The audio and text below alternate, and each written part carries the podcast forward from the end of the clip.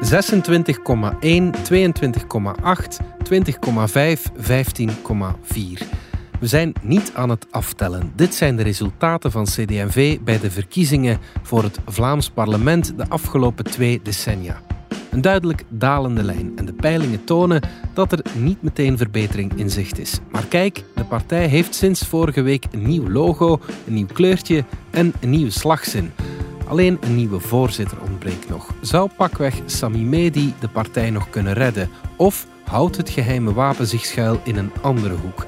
Het is woensdag 4 mei. Ik ben Alexander Lippenveld en dit is vandaag de dagelijkse podcast van de Standaard.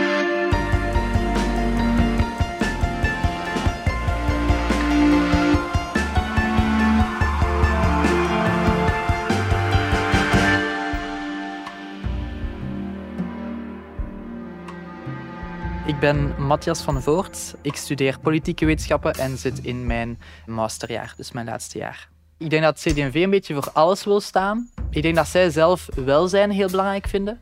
Maar ik denk niet dat zij daar mee uit de verf komen. Ja, ik denk dat ze ook door jongeren een beetje worden gezien als een machtspartij. Een partij die dat alles een beetje wil doen. Maar ik denk niet dat ze echt gelinkt worden aan een specifiek thema onder jongeren. Dus ja, het is een bepaald profiel. Ook de communicatie vind ik niet zo sterk. Ik denk dat zij verder moeten inzetten op het lokale. Ik denk dat ze dat nu wel proberen te doen. Maar ik denk dat iedereen een beetje ja, een, een zou moeten kennen. Dus dat ze echt ja, via de mensen komen, onder de mensen komen. En ze proberen dat nu wel. En ze hebben daar een heel lange traditie in. Maar ik denk dat ze dat een beetje missen bij de jongere mensen. Bij de oudere mensen, iedereen kent daar wel een beetje wat CD&V is. En ze kennen heel wat CD&V'ers. Maar bij de jongere mensen denk ik dat dat ja, veel minder is. We trokken de straat op om te vragen wat CD&V voor de kiezer betekent. En het is niet altijd voor iedereen even duidelijk. Lisa de Bode van onze politieke redactie. CD&V is aan het timmeren aan zijn imago. Kunnen het verschil niet laten horen, maar CD&V schrijf je voortaan officieel niet meer met hoofdletters, maar met kleine letters. Correct. Dus het logo is veranderd. Er is de kleine letters. De kleuren zijn veranderd en er is een grotere ampersand in het midden. Er is minder oranje mhm. en dat moet symbool staan voor de diverse samenleving. Ja, misschien is wat er onder CD&V staat nog belangrijker om te bespreken. Van en voor het volk, inderdaad. Tussen de mensen. Daar is het ooit begonnen. En daar gaan we terug naartoe. Tussen het volk, van het volk. We zijn niet meer de CD&V van toen. Want het volk van toen is niet dat van nu. Gewone mensen die hard werken of genieten van hun pensioen. Ja, oké. Dan denk ik, ze kijken terug naar vroeger toen ze de volkspartij bij uitstek waren. Zeker, ja. Ooit stemde één Belg op vier op die partij. Mhm. Dat is een hele lange tijd geleden. De partij is nu in, uh, in een vrije val.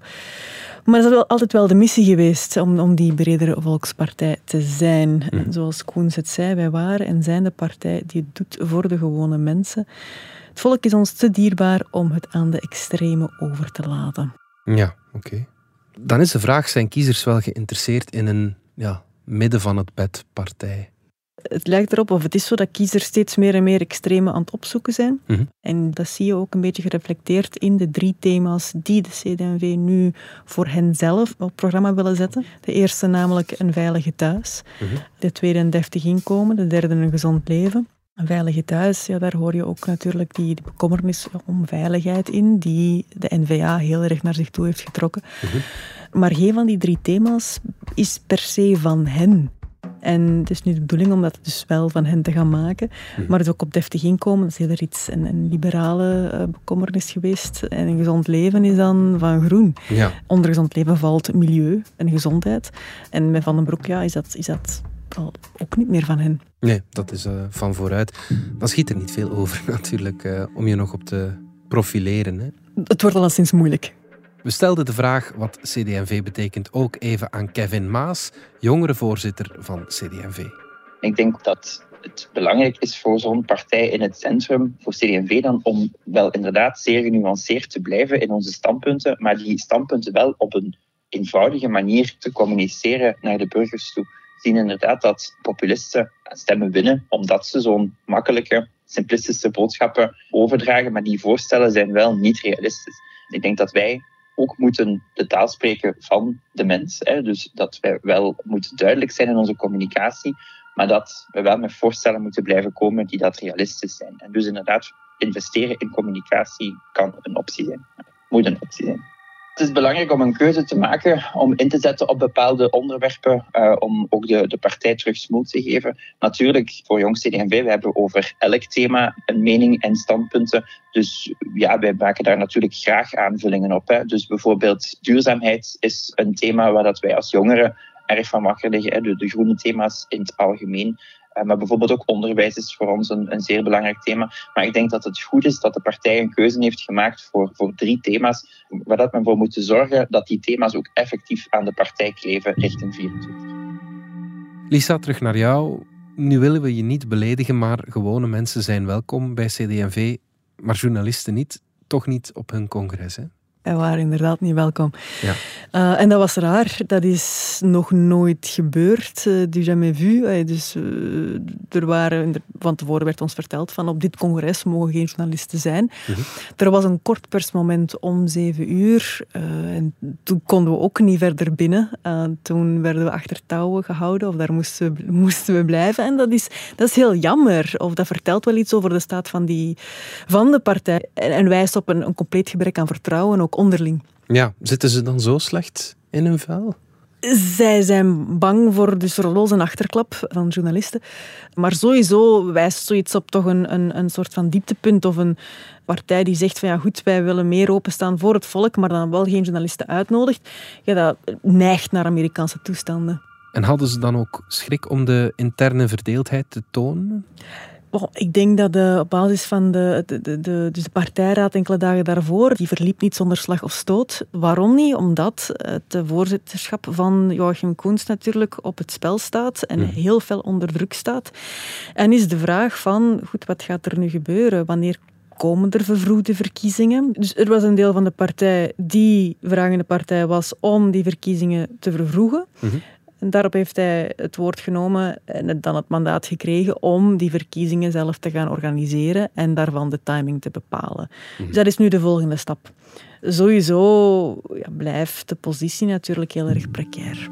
De positie van voorzitter Joachim Koens die hangt inderdaad aan een zijden draadje. Sami Medi wordt nu genoemd als de consensuskandidaat, die nu staatssecretaris is voor asiel en migratie. Zou hij de man kunnen zijn die CD&V terug op de rails krijgt? Hij is alleszins iemand die dat graag zou doen en hmm. die dat ook duidelijk heeft gemaakt. Hij uh, was ook de persoon die ervoor gezorgd heeft dat de overwinning van Koens in 2019 maar nipt was. Mm -hmm. Hij is toen staatssecretaris geworden voor asiel en migratie. Natuurlijk een portefeuille waarop hij heel veel aandacht naar zich toe heeft weten te trekken. Mm -hmm. Op een manier ook waarin dat zijn beleid heel erg gelijkaardig is aan dat van de NVA of zijn voorgangers. Mm -hmm. Dan is de vraag van ja, goed, uh, wil de partij zich op die manier profileren? Bijvoorbeeld toen het nieuws van de offshore centra brak en uh, duidelijk werd dat het Verenigd Koninkrijk in Rwanda migranten of hun zaak wil beoordelen. Mm -hmm. Ja, toen was er de twijfel. Initieel dacht hij te communiceren over die centra als de Guantanamo's van de detentiecentra. Mm -hmm. Dat heeft hij niet gedaan. Achteraf heeft hij daar uh, veel bedachtzamer over gecommuniceerd. Hmm. Uh, terwijl Koens heeft toen een hele rechte lijn getrokken en heeft gezegd dat zoiets niet past in het kader van, van Europa. En heeft toen gooide ogen ogen met die statement. Stel dat Medi voorzitter zou worden, zal de partij daarmee dan een ruk naar rechts nemen, denk je? Als je, als je kijkt naar dus zijn parcours op de portefeuille asiel en migratie, ja, dan zie je dat hij wel degelijk dus in lijn ligt met zijn voorgangers, met NVA en verder naar rechts. Mm -hmm. Dus dat is inderdaad iets om, om uh, in gedachten te houden. Mm ja. mm -hmm. We luisteren nog even naar een jonge stem van een student die we aanklampten in Gent. Mijn naam is Morgan Willeman. Ik ben student stedenbouw en ruimtelijke planning aan de Universiteit Gent. Voor mij staat de CD&V voor gematigdheid. Toch ook wel een uh, ja, duidelijk christelijk kantje, maar ook wel een heel duidelijk Vlaams kantje. Voornamelijk gematigd en, en neigen naar compromis. Dat zijn also de woorden die me te binnen schieten. Wat ik wel positief vind aan de CD&V, velen zien dat eigenlijk als een, uh, een minpunt. Maar ik vind dat wel heel mooi of zo, dat zij ergens wel streven naar, meestal streven naar een compromis. Maar ik denk, de partij is misschien niet meer zo aantrekkelijk in het algemeen. Ik denk dat dat ook wel een beetje te maken heeft met het feit dat er heel duidelijk in de naam staat C van christelijk. En ja, er is al vaak over gesproken van moeten ze die laten vallen. En misschien is dat niet zo slecht eigenlijk. Om te tonen van wij zijn eigenlijk wel een brede partij ja, voor iedereen, ondanks religie.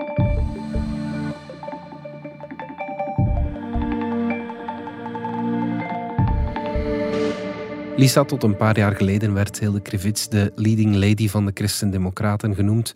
Nu is ze toch iets minder zichtbaar dan vroeger. Is haar rol helemaal uitgespeeld? Wat je daar ziet, is dat ze er vooral moeite mee heeft om uit te breken, of om de aandacht naar zich toe te trekken en te scoren op haar bevoegdheden. Hmm. Ja, en overstemd wordt door anderen in diezelfde regering. Krivits kennen we al een tijdje, al heel lang eigenlijk. Sami Medi is ook al langer bekend voor het brede publiek. Maar toen de verschillende regeringen werden gevormd, kregen we een aantal nieuwe namen, waaronder Annelies Verlinden. Kan zij de meubelen niet redden? Ja, ik denk dat we het dan nu vandaag vooral moeten hebben over het fiasco van de burgerbevraging. Toch mhm. aangekondigd als een grote verwezenlijking, als, een, als een, een nieuwe manier aan politiek doen, aan de stem van de burger te laten horen. En, en blijkt dat het gewoon de opmaak van de tool zodanig is, zo complex is, dat het een, een beetje een. Uh, net over hè, de, de, staatshervorming, dat het een beetje daar een metafoor voor wordt. Het labyrint van de vragen, de, de lengtes ervan, de inloggen via It's Me. Mhm. Ehm, Terwijl dat een van de trofeeën van de partij was tijdens de regeringsonderhandeling. En nu is de kritiek daarop zodanig dat zelfs de mensen die mede tool hebben gemaakt, mhm. zich of hun handen daarvan aftrekken. Dus ja, dat is, dat is iets, dat is, uh, dat is blamage. Dat is heel jammer. Ja, absoluut. We hadden hier onlangs je collega Bart Brinkman te gast. Lisa, die had een ja, eigenlijk gelijkaardig verhaal over Open VLD. Dat is ook een partij die op zoek is naar een nieuwe schwung, naar meer kiezers. Maar tegelijk vraagt men zich daar ook hardop af van, ja, als ze dan groter worden, 10, 12, 13, 15 procent misschien, het is gewoon te weinig om iets te betekenen. Er gaan stemmen op die pleiten voor een echte politieke herverkaveling en, en zeggen van, ja, zouden die twee partijen de handen niet in elkaar slaan? Wat is daarvoor te zeggen? Ja, dat is er natuurlijk een, dat is een mooi idee op papier. Mhm. Maar als dat moet omgezet worden in realiteit, ja, dan weet je natuurlijk ook dat het niet louter een kwestie is van de ene partij optellen bij de andere. Mhm. En dat je dan uh, een, mooie rekensom hebt gemaakt. En ook gewoon in praktijk, uh, partijen verschillen zodanig van elkaar dat zoiets niet zou gebeuren. We legden het idee over een politieke herverkaveling ook eens voor aan Kevin Maas, voorzitter van Jong CDMV. Want lokaal is die herverkaveling, bijvoorbeeld in Gent, volop bezig. Wel, dus die, die koek in het centrum die is inderdaad moeilijk te verdelen. En we zijn inderdaad met, met veel partijen in dat centrum. En het voorbeeld wat dat u aanhaalt in Gent, daar is het inderdaad mogelijk om een stadslijst te vormen. Dat is lokaal. Maar ik denk dat op nationaal niveau dat er toch wel echt fundamentele verschillen zijn tussen die partijen in het centrum, waardoor dat het voor ons zeer moeilijk wordt om samen te gaan uh, of ja, op te gaan in een, soort van kartel met Open VLD of met SPA of met een andere. Uh, gewoon omdat die verschillen zo groot zijn. Dus ik denk dat wij hebben een, een zeer sterk uh, ideologisch kompas waar dat we mee moeten rekening houden. Wat dat ook echt de eigenheid van CD&V is. En dat wordt zeer moeilijk om dan naar, ja, naar een herverkaveling toe te gaan. Ter afronding nog even terug naar de kern. Waarvoor staat CD&V nu? We luisteren nog even naar de student op de campus. Dit zijn Eden, Lucas en Julie. Ze moeten zich meer beginnen focussen op uh, effectief de christelijke waarden te verdedigen uh, in Vlaanderen. Je zou dat kunnen herleiden naar bijvoorbeeld mentaal welzijn bij jongeren. En heel veel mensen kunnen in christelijke waarden een meerwaarde vinden voor zichzelf. Dus als een politieke partij daarop zou focussen, zou dat mensen kunnen helpen en kunnen aanzetten op meer gemeenschapsgevoel. De betaalbare woningen, dat is een heel belangrijk thema. Ook bijvoorbeeld de koten die nu alsmaar duurder worden, de energieprijzen. Dat vind ik een heel belangrijk thema. En CDV zou dat ja, voor mij eigenlijk inderdaad moeten aanpakken en aantrekkelijk maken voor de jongeren. Als ze een, meer in eigen identiteit en meer in hun eigen schoenen staan en niet naar de andere partijen kijken. Ik denk voor jongeren, ja, er zijn heel veel verschillende jongeren Dus allee, het is niet zo van we gaan dit doen en we gaan iedereen van jongeren aantrekken. Maar ik denk, allee, voor mij persoonlijk als jongere vind ik het belangrijk dat een partij echt voor iets staat, dat het identiteit heeft en dat het niet gewoon volgt. Lisa, wat denk jij? Waar staat CD&V nu voor? Dat is inderdaad het probleem dat ze hebben proberen goed te maken of, of te adresseren door het congres dat, dat nu juist is geweest. Mm En was de bedoeling om de drie thema's naar voren te schuiven. Dus een veilige thuis, een deftig inkomen en een gezond leven. Mhm. Eh, een gezond leven, daar valt dat milieu onder en gezondheid. Maar opnieuw, dat zijn thema's die niet van hen zijn. Mhm. En er is nu de vraag ja, hoe, die, hoe die naar hen toe te trekken. Maar daarbij ook wel de kanttekening maken dat dat een probleem is waar dat elke centrumpartij op dit moment mee worstelt. Um, even goed vooruit. Die ook in de klappen heeft moeten delen en zich ook klaarmaakt voor nog hardere klappen. Mhm. Zoals de uitspraak van Conde Rousseau, waarin hij zei dat hij zich niet in België voelde, niet thuis voelde wanneer hij in Molenbeek was. Mm Wijzen ook op diezelfde vrees mhm. en een soort krampachtigheid om daarmee om te gaan. En, en de manier waarop dat Rousseau dat doet, is niet de manier waarop dat... Dat, dat, is, niet, uh, dat is niet de oplossing. Goed. Lisa de Bode, dankjewel. Dit was vandaag de dagelijkse podcast van de Standaard. Bedankt voor het luisteren. Download onze app DS Podcast of volg ons op Spotify, Apple Podcast of eender welk ander podcastplatform. Alle credits van de podcast die je net hoorde vind je op standaard.be-podcast. Reageren kan via podcast.standaard.be. Morgen zijn we opnieuw.